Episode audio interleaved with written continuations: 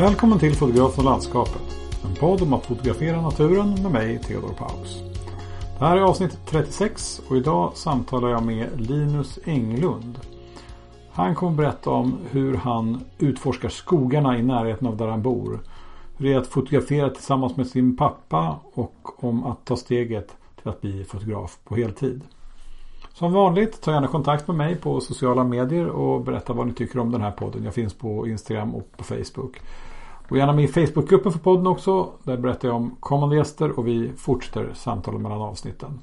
Länkar till mina konton, Facebookgruppen och till Linus Englunds bilder finns i anteckningarna till det här poddavsnittet. Och om du gillar den här podden och vill höra fler avsnitt, glöm inte att prenumerera i din poddspelare så missar du inget avsnitt. Men nu, låt oss börja dagens avsnitt. Välkommen till fotografen och landskapet, Linus Englund. Oh, tack så mycket. Från Småland. Jajamän, mitt i Småland.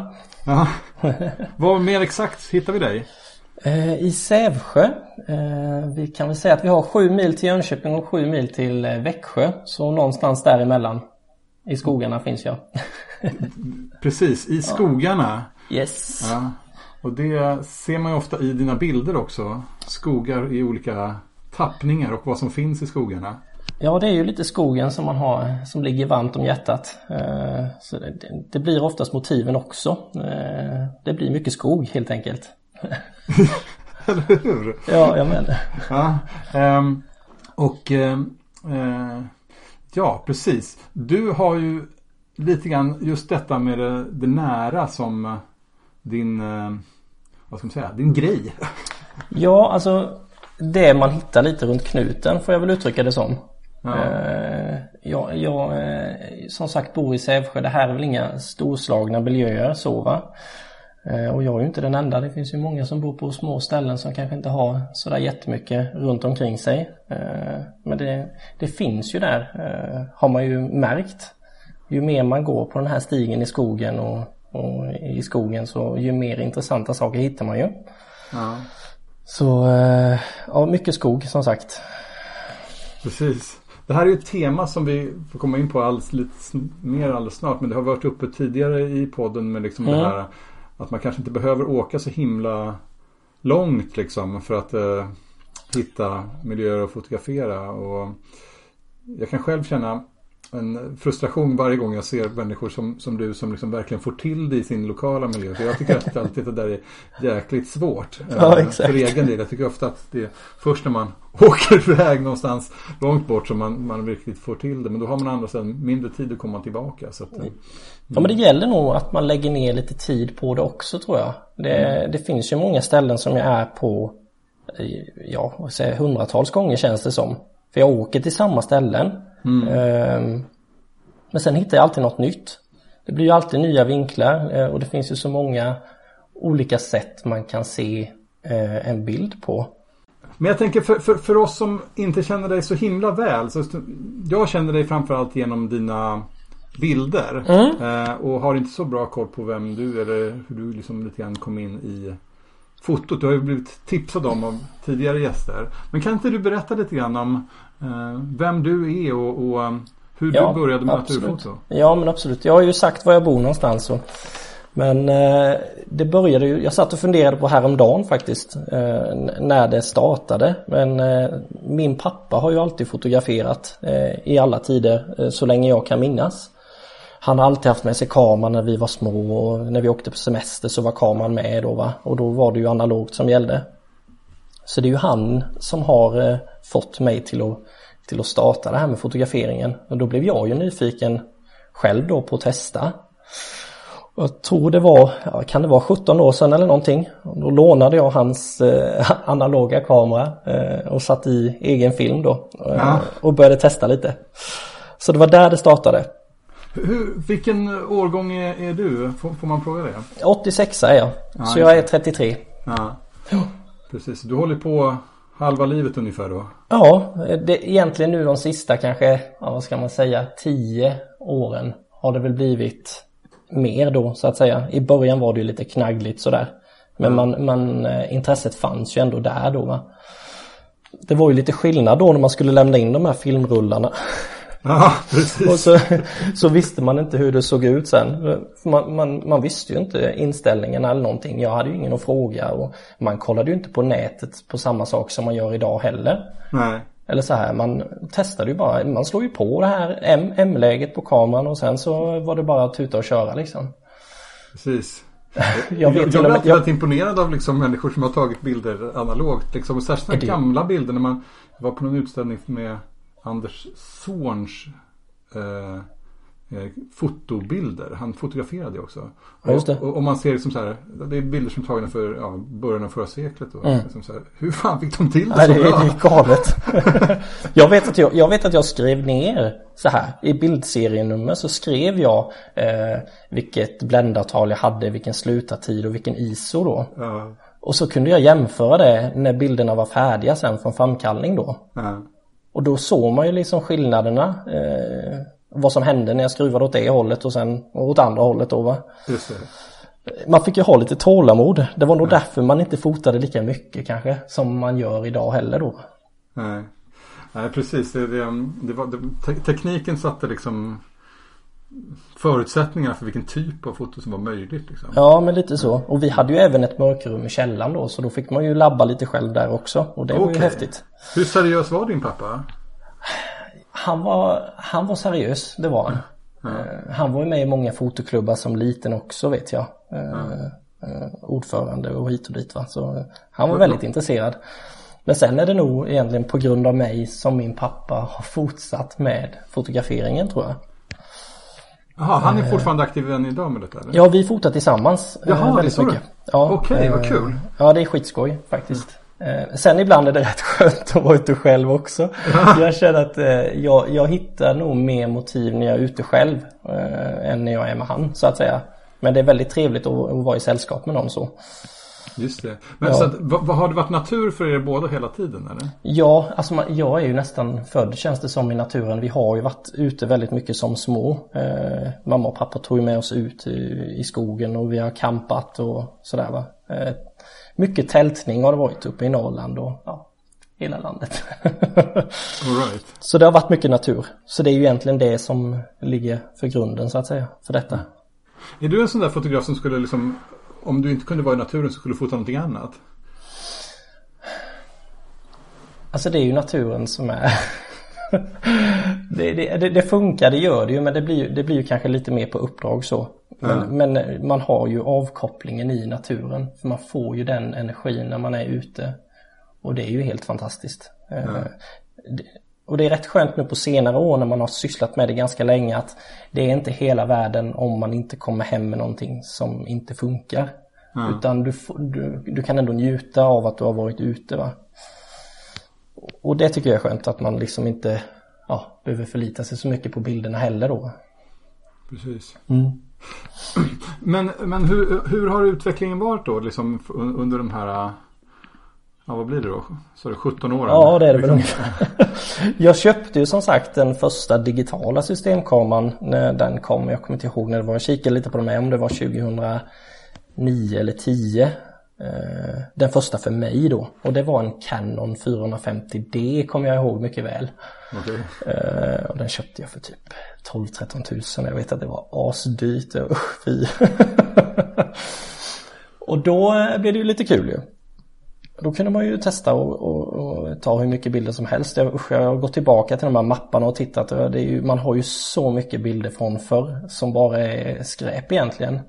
Men sen när man tänker efter så det kanske inte det är ju, den jag har blivit idag har ju ändå grundats på det jag har gjort förr så att säga. Så eh, det kommer någonting gott ur det tror jag. Men det är ju den bästa känslan, att gå tillbaka till sina gamla bilder och se hur dåliga de var. Ja men då känns det ju som att det har hänt någonting. Det är ju fantastiskt ju. Men sen, sen vet jag att intresset dog. Det går ju lite upp och ner med fotograferingen. Men nu, nu är det en jämn ström. Eh, Men jag vet ju alltid vid den här tiden, den här oktober, november, december tiden eh, har, har ju varit en mörk tid för fotograferingen. Och jag tror att det är, det är nog samma för många idag. Särskilt de som kanske börjar fota. Och sen helt plötsligt så kommer november. Och då lägger de kameran åt sidan då va. För sån var ju även jag. För jag vet ju att jag sålde ju min Canon då i, det var ju vid den här tiden. Eh, för att jag blev less på det helt enkelt. Ja. Men sen kom intresset tillbaka igen och jag vet då köpte jag mig en Nikon D7000 då. Då gick jag ju över, då bytte jag ju märke. Eh, Jag vet inte varför men jag tänker att det, det spelade nog ingen större roll för mig just då. Eh, Men sen har det varit Nikon sen dess då. Ja, okej. Så jag har haft en, eh, vad bytte jag till? En D700 och sen en D3S och idag är det en D810 då. Gud, det där är bara, fik, liksom, det är ett- bara nummer för mig. Jag har ingen koll på någonting sånt där. Nej, knappt jag heller höll jag på att säga. Men, men sen är det lite som så att man, man känner lite när det, när det är nog också. Eh, när man inte behöver bättre. Nej. Och det, det gäller ju likadant med objektiven. Det har man ju också lärt sig idag att nej, alltså jag behöver inte. Behöver jag den här? Ska man tänka efter en gång extra innan man köper någonting. För det som jag använder idag kan jag producera tillräckligt med så att säga. Det är väldigt sällan som man behöver någonting. Ja, men... ja. Man skapar ju sig behoven. Ja, Det var som häromdagen satt jag på och kollade. Jag, skulle, jag ville investera i en 85 mm då med stor bländare 1,4 då till exempel. Men sen gick det några dagar och så funderade jag. Behöver jag verkligen den här? Nej, jag tror jag, jag tror jag klarar mig utan den här faktiskt. nej, nej, den, den, den, den där känslan är... Ja. Ja. Det finns, jag såg en t-shirt som såldes i någon fotoaffär eller på nätet eller någonting där det stod Just one more lens. Ja. Nej, Men jag, man har ju haft en uppsjö av det men sen har jag ju sålt av allting nästan. Så jag sitter ju inte på jättemånga idag igen. Jag använder ju inte så många. ja. Ja, det, det, det tycker jag känns eh, bra. Ja, Eh, ja absolut. Jo men då, det, är, det, är ju, det är ju egentligen ett bevis på att man är lite mer trygg i sig själv. Och man vet vad man behöver. Och det känns skönt. Ja. Ja. Ehm, men för, för idag, eh, i, idag så är liksom foto inte bara en hobby för dig. Nej, det här är ju sedan två veckor tillbaka. Eh, nu har det blivit eh, delvis jobb också då va. Så nu jobbar jag halvtid med eh, fotograferingen då. Just det. Vilket känns jättekul. Ja, vilken typ av foto gör du då alltså? Eh, Då gör jag uppdrag åt företag. Eh, Ja. Då eh, ser jag lite till eh, deras behov, vad de behöver och förser dem eh, med bilder till, eh, till bildbanker då. Eh, Hemsida, sociala medier och Ja, ja, det kan vara till mässor och broschyrer och hela den här visan då. just det. Ja. Men då är det liksom en ganska annorlunda typ av foto än det som finns liksom på din hemsida och Alltså den, jag, jag blir ju kontaktad av vissa företag för de gillar det jag gör. Eh, Och i och med att mina bilder är väl lite unika i sitt slag. eh, Då, vill, då gillar de det. Eh, De vill inte kanske köpa de här färdiga stockbilderna då som är väldigt opersonliga. Utan de vill ha de här ja, lite mer med känsla då. Ja, vad, vad är det som de eh, Vad är det de vill ha? Som de får hos dig? ja men det är ju bilder mer med känsla helt enkelt. Och, och jag menar de kan kontakta eh, reklambyråer och allt möjligt som kan ta bilder åt dem men de får ändå inte ut det de vill ha då helt enkelt. Ja. Men det är väl för att bilderna talar sitt egna språk helt enkelt. eh, Det jag visar. Ja. Så det är ju något speciellt som gör att de gillar det. Men då tar du inte bara liksom bilder i skogen och liksom eh, Det, ja, det är ju delvis naturbilder och sen så kan det vara även på, eh, på djur då. Eh, Det hästar och, och lite sånt då va. Mm. Ja, spännande. Ja, jättekul. Hur, hur var den mentala liksom eller hur gick resonemanget i ditt huvud innan du tog det här steget? Jag fick ju Jag fick ett erbjudande också eh, på en, eh, på en annan halvtidstjänst och eh, kunna få jobba hos min syster. Hon driver en butik idag och den butiken ska starta upp en e-handel. Och då fick jag en tjänst där med. Och det gjorde väl egentligen att jag, att jag vågade släppa släppa mitt nuvarande jobb då. Ja. Eller det jag hade tidigare. Och jag tänker att eh, vill man jobba så, så finns det alltid jobb. Så skulle det gå åt pipsvängen så finns det alltid ett annat jobb att få tag på. Ja, det, det, är en väldigt skön känsla tycker jag att man kan landa i det. Att liksom så här, om det här som jag gör nu inte funkar. Livet kommer inte gå under. Jag kommer kunna göra någonting annat istället. Nej, och jag har verkligen reflekterat över detta och det finns aldrig ett bra tillfälle i livet att göra någonting känns det som. Särskilt inte när man har familj då. För jag har ju tre barn själv och en fru och ett hus och lite annat att ta hand om. Men det, det finns aldrig rätt tid utan nej, det är bara slänga sig ut och chansa. Och det är det jag gör nu. Det, det här andra typer av fotot som du har ägnat dig åt liksom eh, när du var fotar för dig själv och tillsammans med din far och sådär. Mm. Eh, liksom, eh, ser du att det finns eh, Hur relaterar det till Till jobbfotot? Så jag har inte hunnit känna jättemycket på det än så länge men det blir ju lite kombinerat eh, eftersom jag har en eh, webbshop idag själv där jag säljer lite bilder då va. Och, Mm. och det tillhör ju mitt jobb då va. Så när man är ute ja, med fassan då, då, då blir det ju tillfällen som man kan få bilder som man kan slänga in i shoppen då. Eh, och även då, alltså det, svårt, det kommer vara svårt att dela på det. Eh, jag kanske fotar lite åt företaget också. Det handlar nog om disciplin där. Man får ju liksom inte blanda ihop det för mycket så att själva tjusningen försvinner i, i det jag älskar att göra egentligen. Ja, för det har ju varit lite grann så, jag vet att det är inte- alltid helt självklart enkelt att liksom kombinera ett kommersiellt foto med ett liksom konstnärligt eller liksom, Nej, jag sa ju till mig själv för kanske ja, ett år sedan att nej, jag vill aldrig jobba med foto. För jag vill, jag Ja, vill, jag vill, ha, jag vill ha det som min hobby bara. För jag är rädd att jag ska förstöra min hobby. Ah, Okej, så, så, så det var det som var rädslan då för ett år sedan? Ja. Liksom, då kommer det... Och sen då när jag fick möjligheten här då så då fanns det ju inga andra alternativ längre. Då hade jag helt glömt bort att jag hade tänkt den tanken. Vi Vi se. ser det ofta så i livet. Att liksom sådär, man kan ha en väldigt bestämd uppfattning om någonting. eh, Och sen Mm. så Sen så ändras förutsättningarna på något sätt. Liksom, det uppstår en möjlighet eller liksom någonting som man tyckte var jätteviktigt. Går helt plötsligt inte att göra. Och då Nu försvann du där du. Nej då, jag är kvar. Ja, men jag, ja, du, jag försvann där. Du försvann några sekunder där. Um, nej men alltså att, det, att på något sätt omständigheterna kan helt plötsligt vara väldigt avgörande för vad som man tycker är rätt. Liksom. Någonting Ja. som man tyckte var helt fel tidigare kan plötsligt visa sig, ja ah, men det är klart jag ska göra det där. Ja, ja. Och det är bara en liten, liten detalj som kanske gör att det behövs så att säga. Ja. Ja, det är sjukt. Men det är kul. Du, ehm, eh, men kan vi inte b- prata vidare om det här med, med, med det, det lokala liksom? Mm. Eh, hur lokalt pratar vi om? Som, är det runt hörnet från ditt hus eller är det? alltså det handlar väl, jag åker ju inte mer än jag åker väl max någon mil egentligen utanför stan så att säga. Ja. Om, om jag ska kalla Sävsjö för en stad men alltså från byn får vi väl säga. Hur, hur, alltså jag har aldrig varit i Sävsjö. Jag Nej, du får jättegärna inte. komma och hälsa på någon. Ja, ja, trevligt, tack för inbjudan. men, eh, men eh, eh, hur ser det ut? I Sävsjö? Ja, och runt, precis runt om. Alltså ja Invånarmässigt 7-8 tusen kanske. Vi har lite affärer och sådär men sen inte jättemycket mer egentligen. Eh, Men det finns allt vad man behöver. Och det räcker ju för mig så att säga. Sen är det ju smidigt, det är ju så nära till, till skogen. Ja. Så jag, man behöver inte ta bilen alla gånger. Är, är du liksom uppvuxen i Sävsjö? Har, Ja. har du levt ett liv i Sävsjö? Ja, precis Jag har varit och svängt lite i Jönköping också fram och tillbaka men nu är jag ju hemma här då sen när man fick barnen så ville man bo nära sina föräldrar då Just det. Ja. Ja, Eh, ja, just det. Men skogen är precis runt hörnet liksom. ja.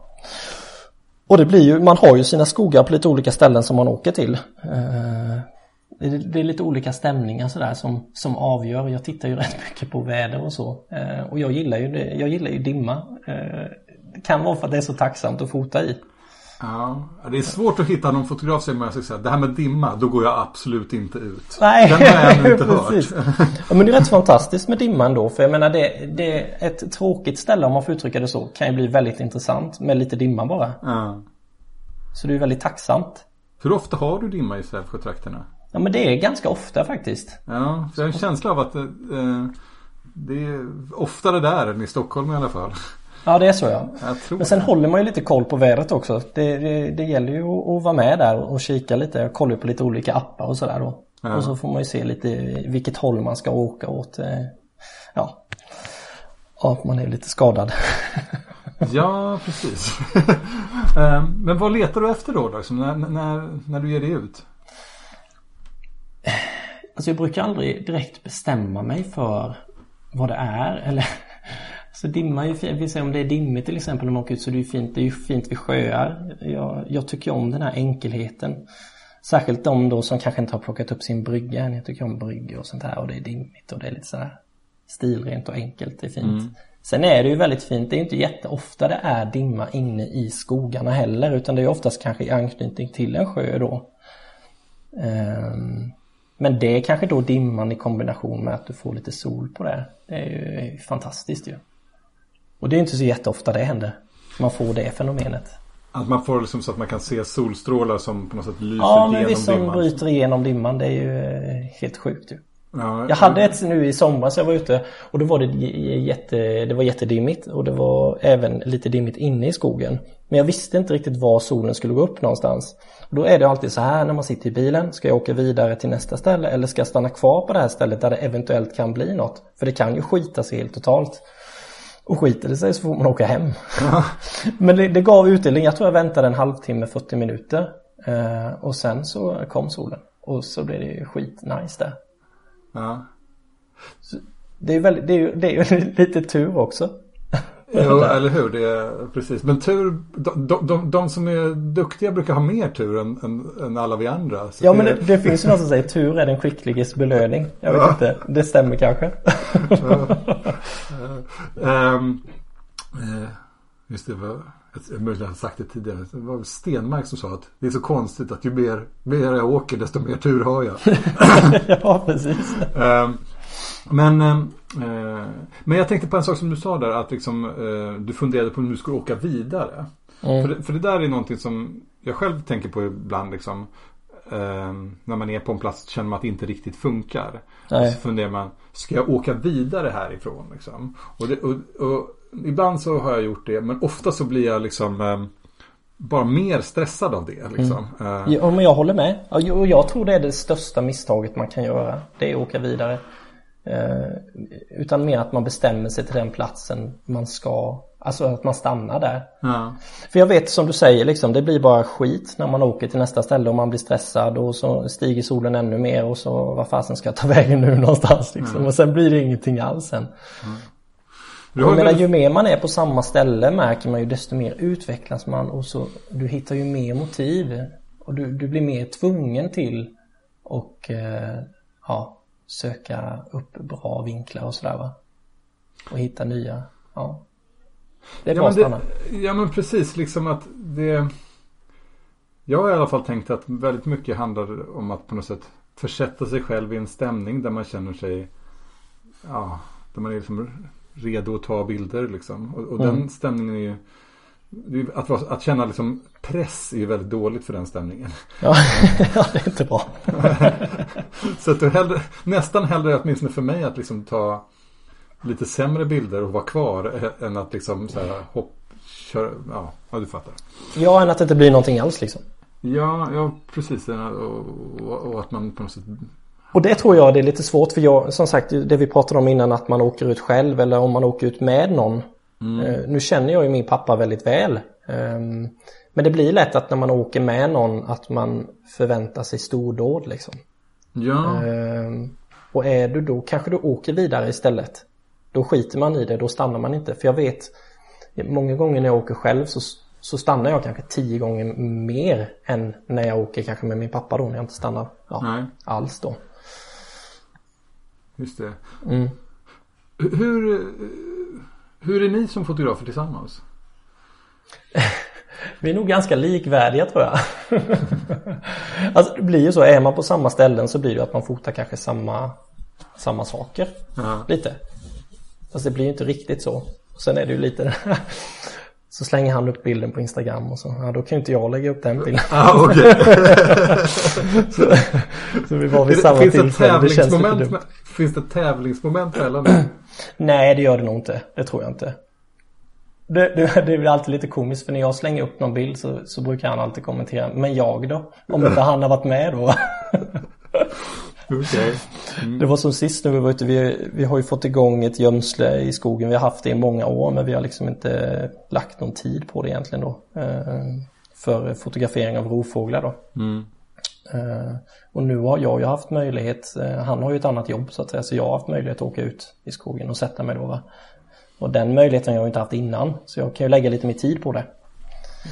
Och då hade jag ju en duvhök som landade där då. Och det är ju fantastiskt ju. Den här pulsen bara stiger och man vet inte var man ska ta vägen.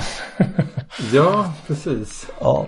Men, eh, så han, eh, han sitter i gömslet nu faktiskt. As we speak. Jajamän. Och även igår då. Så han har haft lite besök av lite rovfåglar med så det, det är even där nu. Okej, okay, ja, bra. Ja, men då kan han få ligga, lite före dig också. Ja, men precis. Ja. Men, eh, men, jag tänker att det måste ändå vara ganska speciellt det här med att liksom fotografera tillsammans med någon och så, särskilt samma person återkommande. Annars brukar ju foto vara ganska mycket någonting som är Alltså Det är inte teamwork i så hög utsträckning utan det är liksom eh, soloartisteri liksom. Mm. Eh, men och, och, även om, det, det, är väl lite grann så nu, nu också att ni var och en tar era egna bilder och, och sådär. Men, men... Ja, och sen ser man ju allting med olika ögon. Han ser ju någonting och jag ser ju någonting annat. Och det är det som kan vara lite kul sen när man sätter sig ner och tittar på bilderna. Om man gör det tillsammans eller vad det mm. nu är. Hur komponerade han bilden av det här? Eller hur, med vilka ögon såg han det? Mm. Så det är ju lite kul i sig. Planerar ni tillsammans också? Liksom, vad ni ska göra? Nej, det är ganska då. Alltså det är mer att, eh, ja men du vädret ser bra ut. Ska vi åka ut imorgon? Ah, okay. ja, men då tar det är vi på den vägen. Ja. Så det är nog inte mer allvarligt än så. Ja. Och sen är det ju alltid liksom, ja men var ska vi åka liksom? Men vi tar väl den skogen där eller vi tar väl den sjön där. Och Det är mer en, alltså det är mer en skön grej med och kom, man kommer ju ut. Det är ju det, det är viktigt. Just det. Ja. Har du liksom någon slags idé med vad ditt foto ska ta vägen? Alltså om, om man tänker inte det som du gör på uppdrag kanske utan det är ditt eget foto. Alltså det är nog, det är nog spridda skurar än så länge. Jag har inte reflekterat så jättemycket över det faktiskt.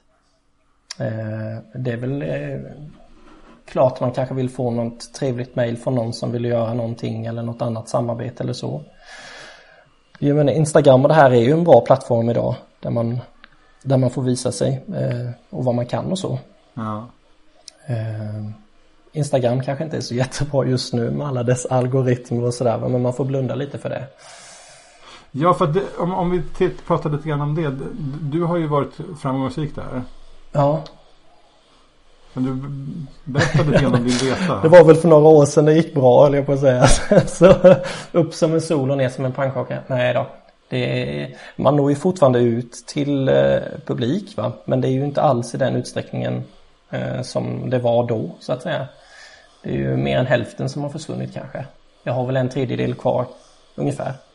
Ja, om, alltså om man på, något sätt, på något sätt så måste de ju ha ändrat systemet för att liksom, det verkar vara väldigt mycket svårare att bygga upp en följarskara liksom, och behålla den kanske. Ja, jag vet inte vad knepen är idag. Det finns väl, jag vet inte, jag, jag försöker inte ändra på någonting utan jag gör egentligen som jag alltid har gjort. Eh, eh, jag har lagt upp bild och jag svarar på kommentarer mest för att det är kul och att folk eh, ändå engagerar sig och lägger tid på att skriva någonting. Och då tycker jag att man ska svara också. Eh, om man har tid till det då. Ibland blir det ju ganska mycket och då hinner man inte svara alla. ja, precis. Eh, men hur, hur har, eh, hur har liksom det här instagrammandet liksom påverkat själva fotograferandet för dig? Det, det, det är både upp och ner egentligen. Eh, men som sagt nu har jag hållit på med Instagram ett, ett rätt bra tag. Och då har det börjat släppa lite. och vad menar jag med det? Jo, alltså jag hade ju, man hade ju en press på sig innan. För att kunna prestera. Och då eh, försvann ju lite skärmen av fotograferingen tyvärr. Eh, då, då fick man en liten dimp att när man inte kom hem med någonting och inte kunde visa någonting och, och då blev man bara deppig. Eh, så det styr lite det där. Hade du liksom sagt att du skulle publicera si så ofta eller liksom? Ja, alltså jag hade ju, man hade ju en ström liksom. Körde tre bilder i veckan eller vad det nu skulle kunna vara för någonting. Mm. Men sen märker man att jag vill inte publicera någonting som jag inte är nöjd med heller och då, då kan det lika gärna väl kvitta. Eh, det är bättre att ha bra content istället än att lägga upp eh, i onödan så att säga. Ganska tufft att liksom producera tre bilder som man känner sig riktigt nöjd med i veckan. Ja, det är, det är jäkligt tufft faktiskt. Men jag vet ju själva uppstarten av Instagram eftersom jag kanske ändå började lite senare än alla andra så hade jag ju en enorm bildbank som jag kunde använda mig utav. Och sen tog den slut. Sen tog den slut och så gick det åt helvete. Nej usch så säga. Nej då. Nej men det blir ju inte alls samma grej längre. Men jag, jag vill inte se, jag vill inte lägga upp för mycket bilder heller. Nu känns det som att det räcker med en i veckan max. Mm. Uh, ja.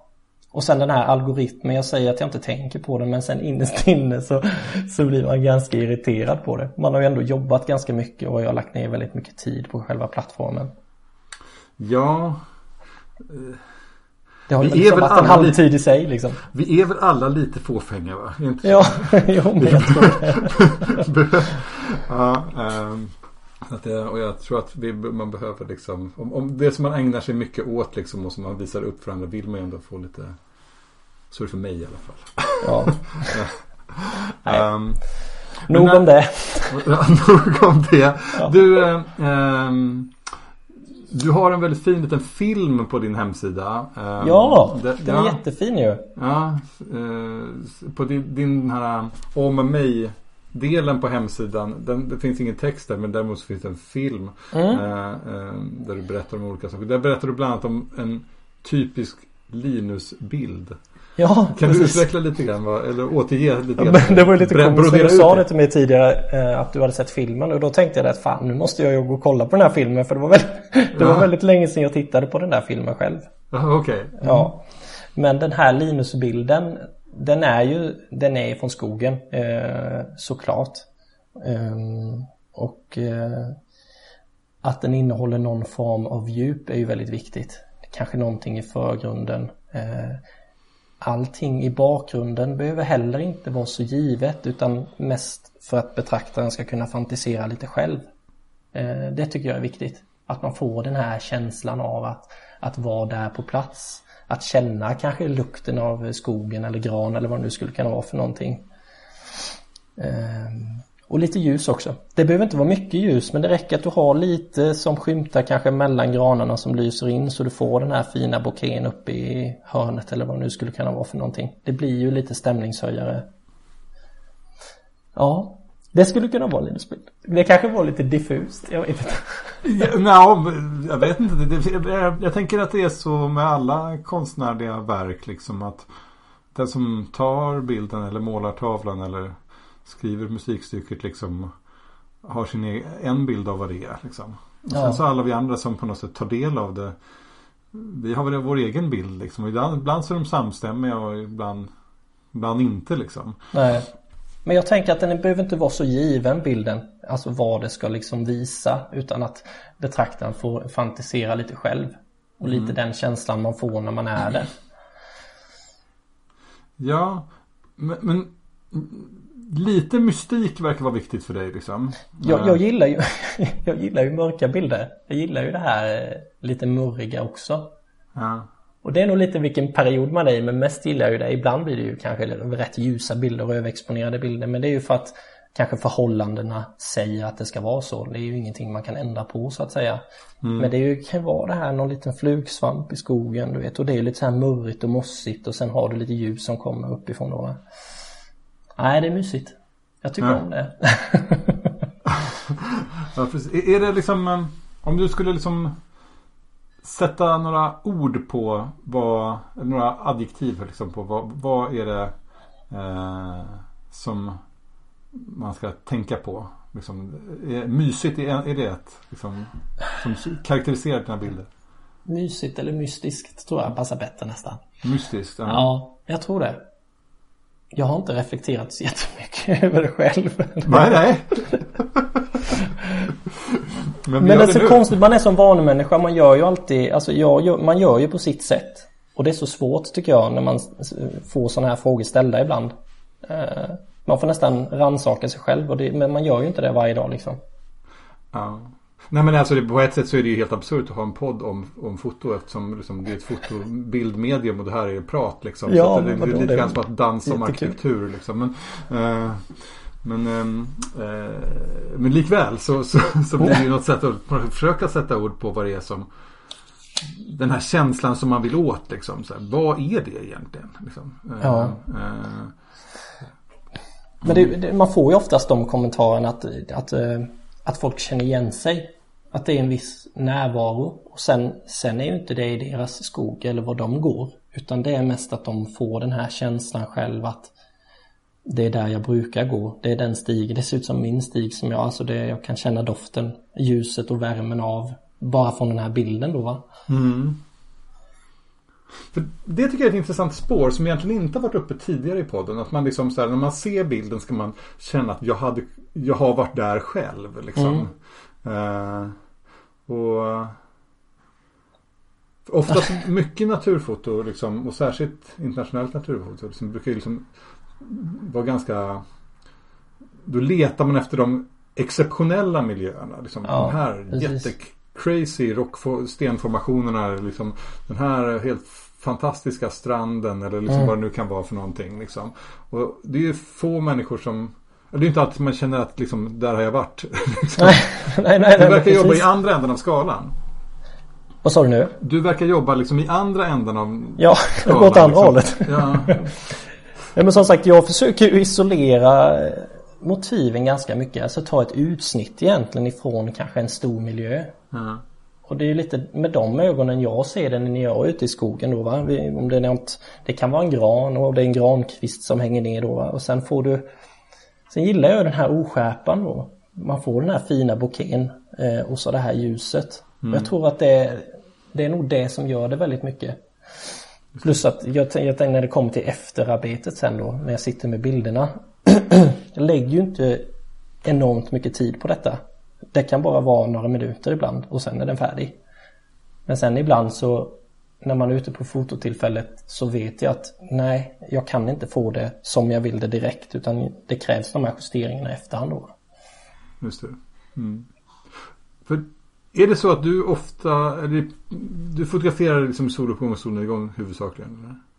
Ja, alltså det är ju, ja om det inte är, vi säger om det är så mainstream dimma hela dagen då, då Ja. förändras ju inte ljuset någonting alls egentligen. Men eh, det är ju som sagt, det är, ju- jag, jag gillar ju morgnarna, jag är ju morgonmänniska. Jag blev ju morgonmänniska när jag fick barn. Och innan dess var jag en kvällsmänniska. Ja. ja. Det tycker jag är det jobbigaste med naturfoto måste jag säga. Ja men det är ju det är rätt tufft på sommaren när solen går upp klockan tre. Nej. Särskilt om man också ska fotografera på kvällen. Och solen går ner klockan 23. Ja men precis, det är lite tufft alltså. Ja, nej. Nej men morgnarna är det ju, det är ju främst morgnarna. Eh, och det är ju när solen går upp där precis innan. Det är ju väldigt finstämt då. Så det är i skogen. Jag tycker om att vara i skogen då vid den tiden. Nej, det är vackert. Ehm, precis. Och när du kommer ut liksom. ehm, eh, då, då, om jag tolkar det rätt här. Så när du och du antingen själv eller med din far liksom går, går ut. Så, så har ni mest en plats som du har bestämt dig för att åka till. Det verkar inte som du har visualiserat att jag ska ta den här specifika bilden liksom. Men, eller hur går det till? Nej, nej det har man ju inte. Men man, man har ju en viss runda kanske man brukar åka.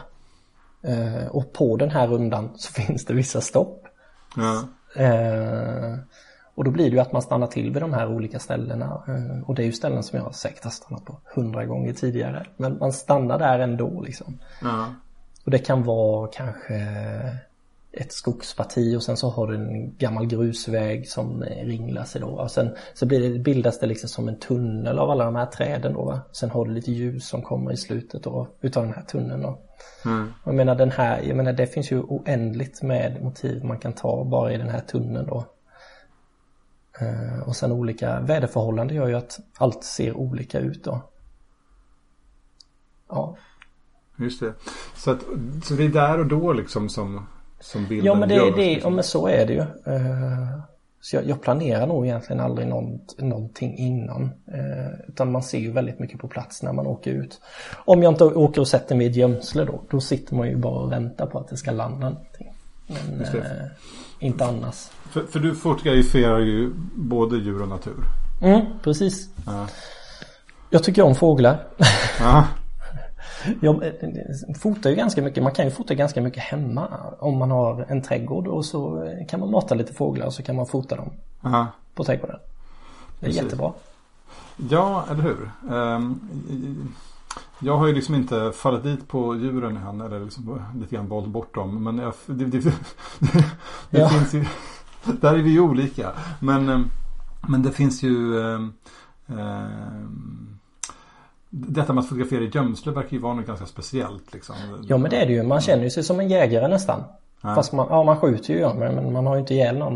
Eh, Men det blir ju den här väntan och, och, och man bygger upp förväntningarna då att det ska hända någonting. Och det mest fantastiska är när man sitter i gömsle är att eh, när du kommer ut så kanske du klampar och låter och då, då försvinner ju alla djuren givetvis. Fåglar mm. och om det är rävar eller vad det nu skulle kunna vara för någonting då va. Men sen när du har satt dig i gömslet och sen ungefär efter en timma och då gäller det att du är knäpptyst då den här timmen då. Då är det som att naturen kommer tillbaka till dig. Eh, då är allt som vanligt igen och då kan du sitta där liksom. Mm. Backstage och, och se allting. Det är en sjuk upplevelse, det är jättehäftigt. Ja, coolt. Ja. Min, min fru undrade häromdagen bara, har du suttit tre timmar och väntat på en skata sa hon. ja, fasen det. Men det, det, det blev ju en bild av den också. Bra. Ja. Eh, är det den här som är nummer två på ditt Instagramflöde just nu? Ja, det kan Jo, men det är nog en skata där. Precis. precis det blir nog en svartvit bild av den. Okej, okay. ja, ja, den blev bra. ja, precis. Nej, men så det, det, kan jag rekommendera om de vill göra. Det, som mm. sagt, man måste ju kolla lite med markägare och sådana grejer innan man drar igång sådana grejer. Men, men man kan ju mata fåglar på trädgården. Mm. kan man göra. Definitivt. Men när du fotar, liksom, om man säger eh, naturen bara. Jobbar du med stativ och så då eller?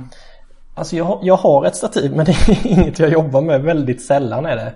Okay. Viss, vissa bilder eh, tar jag med lite längre exponeringar ibland. Och det blir ju på kanske några skogsbäckar då om jag vill ha lite flow i vattnet. Mm. Men det är inte jätteofta jag sysslar med det. Jag tänker att de här filtrerna som man sätter på och kör med stativ och lite sånt här det är ju mest för Jag tänker det är mest för, för kusten, eller? Ja, men lite, ha, lite hav liksom... och klippor och sådär och det ska bli utslätat vatten och så. Jag tänker mest att om, det, om du jobbar så liksom, e- efter att solen har gått ner och innan den har gått upp.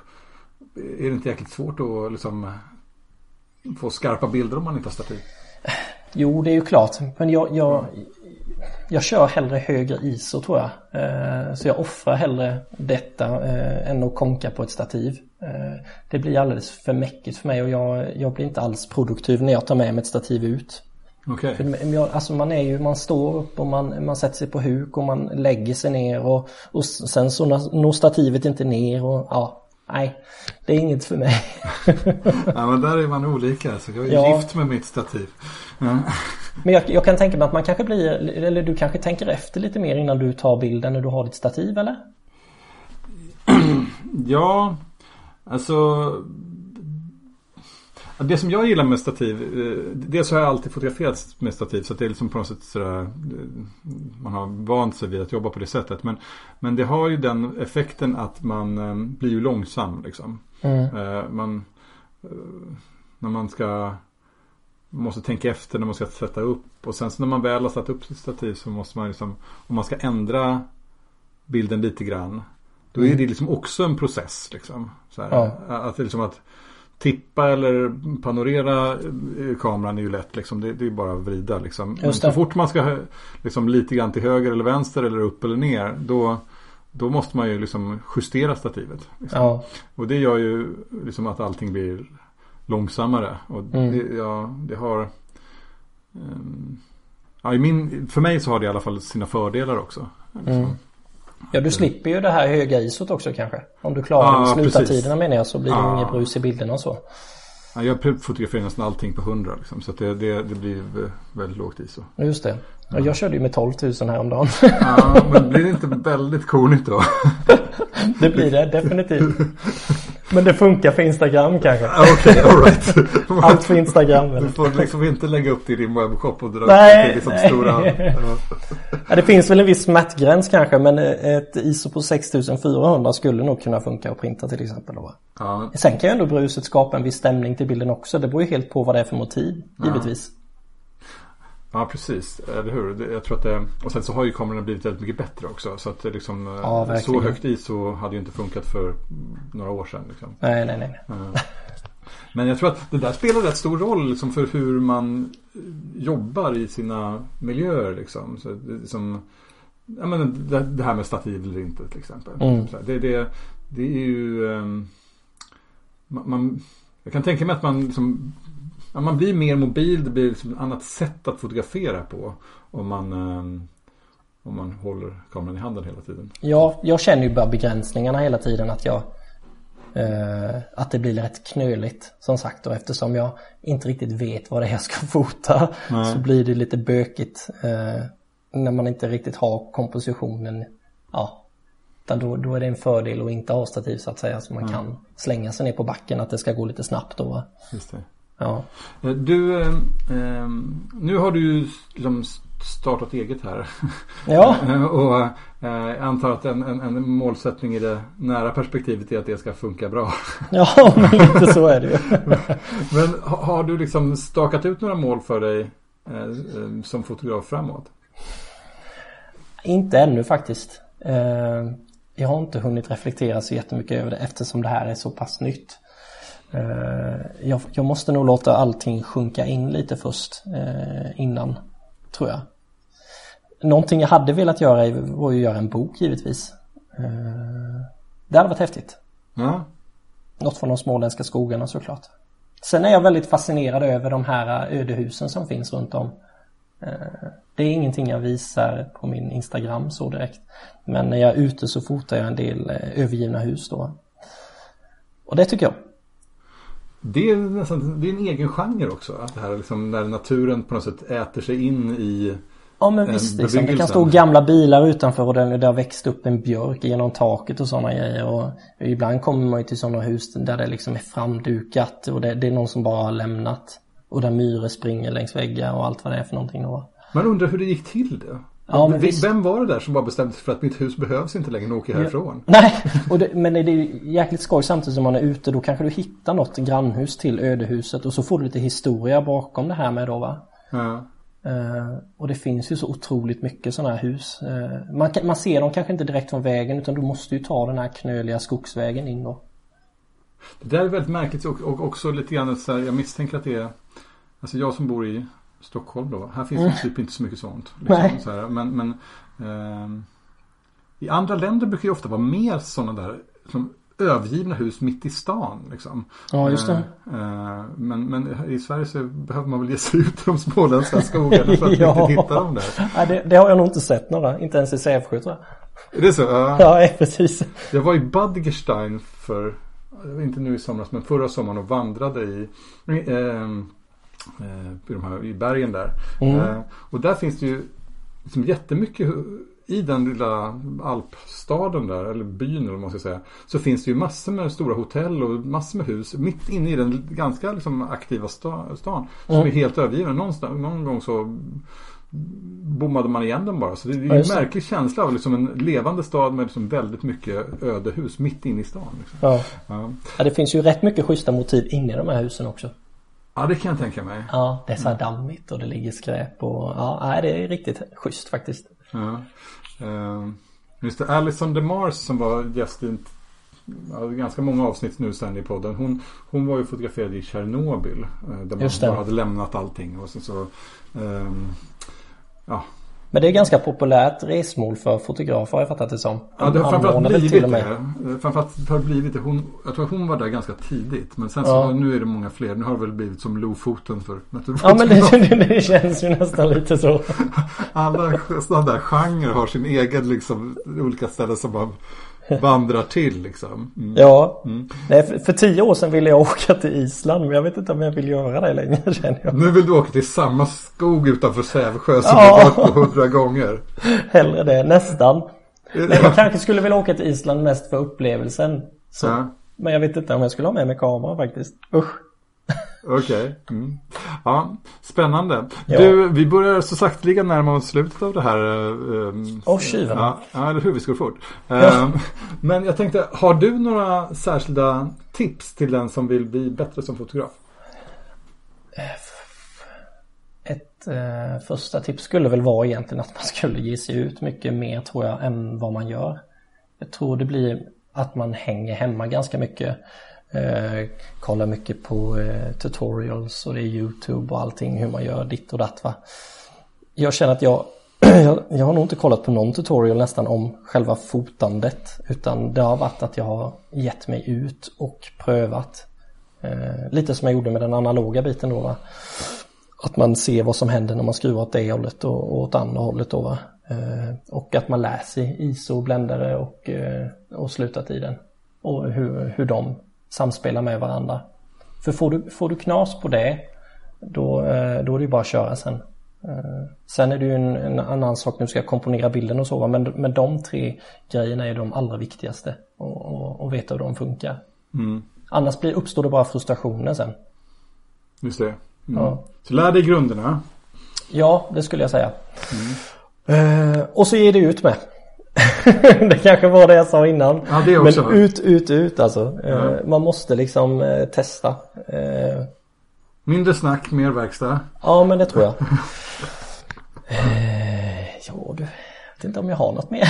Nej, men en sak som jag tolkar det som du har det är också att liksom så här, det återvänd till samma platser. Eh, Ja. Och liksom eh, glöm inte bort din närmiljö. Nej, definitivt. Och, och så det jag har sagt innan att testa och gå ut en gång utan kamera och se hur det känns. Eh, för det blir många gånger att man liksom går med den här kameran hela tiden och ska försöka hitta motiven. Och så tittar man, men om man skiter i den en gång och så går man ut utan kameran och så försöker man betrakta miljön, alltså med ögonen som sagt, utan kameran. Och sen går man tillbaka igen med kameran. Så försöker man bygga upp någonting i skallen att ja men du det här kan nog bli någonting bra kanske. Ja men det ska jag testa imorgon när jag åker ut nästa gång eller vad det skulle kunna vara då. Precis. Där kan ju stativet också vara på något sätt en, en, en ännu, alltså om kameran, att ha med sig kameran är liksom kan ju vara ett sätt att man blir begränsad i sitt seende också. Mm. Eh, Men att ha med sig kamera och stativ kan vara ännu mer så. För den, den kan gärna, i värsta fall så blir det liksom att man slår upp det där och sen så, så, så står kameran kvar där man har placerat Ja, stativet. Liksom. Så har det gått en halvtimme när du har fått in alla inställningarna det Eller stativet. Ja, nej Ja. precis. Nej, du får skippa stativet Theo. Ja, jag- får göra det. Ja. Hör ni med barn nu, alla där ute. Skippa stativet åtminstone en gång. Och sen så, så och ni som inte fotograferar med stativ, köp ett stativ och Ja. Testa det också. Ja, bra, bra. Vi får liksom utmana oss själva på de olika sätten som, Ja, som, som finns. Ehm, du, eh, har du några tips på andra fotografer som du skulle Ja, jag har två stycken. Eh, och då har vi en som heter Bengt-Ove Birgersson. Okej. Eh, han är väl egentligen den personen som jag inspirerats av mest när det kommer till foto. Och han har jag, hans resa har jag följt egentligen ganska länge. Sen sociala medier och detta. Eh, Bengt-Olof Birgersson. Bengt-Ove Birgersson Ove heter han. Birgersson. Ja. Han håller till i Blekinge tror jag. Okej. Han fotar främst eh, djur, eh, mycket rovfåglar och sånt då va? men även mycket landskap. Han är fantastisk, jätteduktig. Eh, han har den här stämningen i hans bilder och, och fotar som sagt rovfåglar mycket inne i skogen så det blir så här murrigt och mystiskt. Nej, det är mycket snyggt där. Ja, spännande. Jag vet inte om han har någon Instagram heller men jag följer Du får kolla upp det. Facebook. Han är med vet jag på fotosidan och lite sånt här ibland. Ja. Men vi ser till att vi hittar, jag lägger in en länk i anteckningarna till podden Mm. till, till honom också. Och sen är det Sandra Linell också. Eh, En tjej uppifrån Stockholm tror jag. Ja. Hon är också fantastisk och ser saker med, ja, sjuk. Hon hittar sådana här detaljer i någonting som inte en annan skulle hitta. Eh, Mycket, mycket makro och närbilder och mycket speglingar och reflektioner och sånt här då. Spännande. Också för, för mig, någon som jag inte har koll på. Får kolla upp även henne. Mm. Det ska bli kul. Ja men visst, hon är jätteduktig också. Så de två. Roligt. Och sen hade du ju nämnt, eller vad säger jag, eh, tidigare eh, gäster har ju nämnt några andra så jag tänkte de behöver jag kanske inte dra upp en gång till då. Nej men du kan ju berätta vilka du tycker är bäst. Jag tycker, jag, tycker om, jag, jag tycker ju om Tobias Hägg då. Eh, Ja. Han, drön, drönarkillen där, han är fantastiskt duktig. Han har sin speciella touch på hans bilder och, och inte bara med drönare utan det är ju eh, när han fotar med, från marken också höll jag på att säga. Han är jäkligt duktig. Ja. Jag tror att när, det här avsnittet som vi spelar in nu kommer publiceras innan Tobias Häggs avsnitt. Eller efter menar jag. Så Ja, att, eh, han är med också. ja, precis. Tobias Hägg eh, pratade med häromdagen. Eh, det blev ett väldigt kul samtal tycker jag. Just mycket om foto från luften. Så att, sannolikt när detta läggs ut så kommer det avsnittet också redan ha publicerats. Ja just det, ja, vad spännande. Mm. Att, eh, Bra, bra. Men eh, du, eh, då önskar jag dig lycka till i ditt fortsatta utforskande av dina välkända miljöer. ja, men tack så hjärtligt. Så får du komma ner till Sävsjö någon dag. Så det ska jag gärna göra. Kan du gå ut i skogen. Ja, tack för att du var med. Stort tack Theo.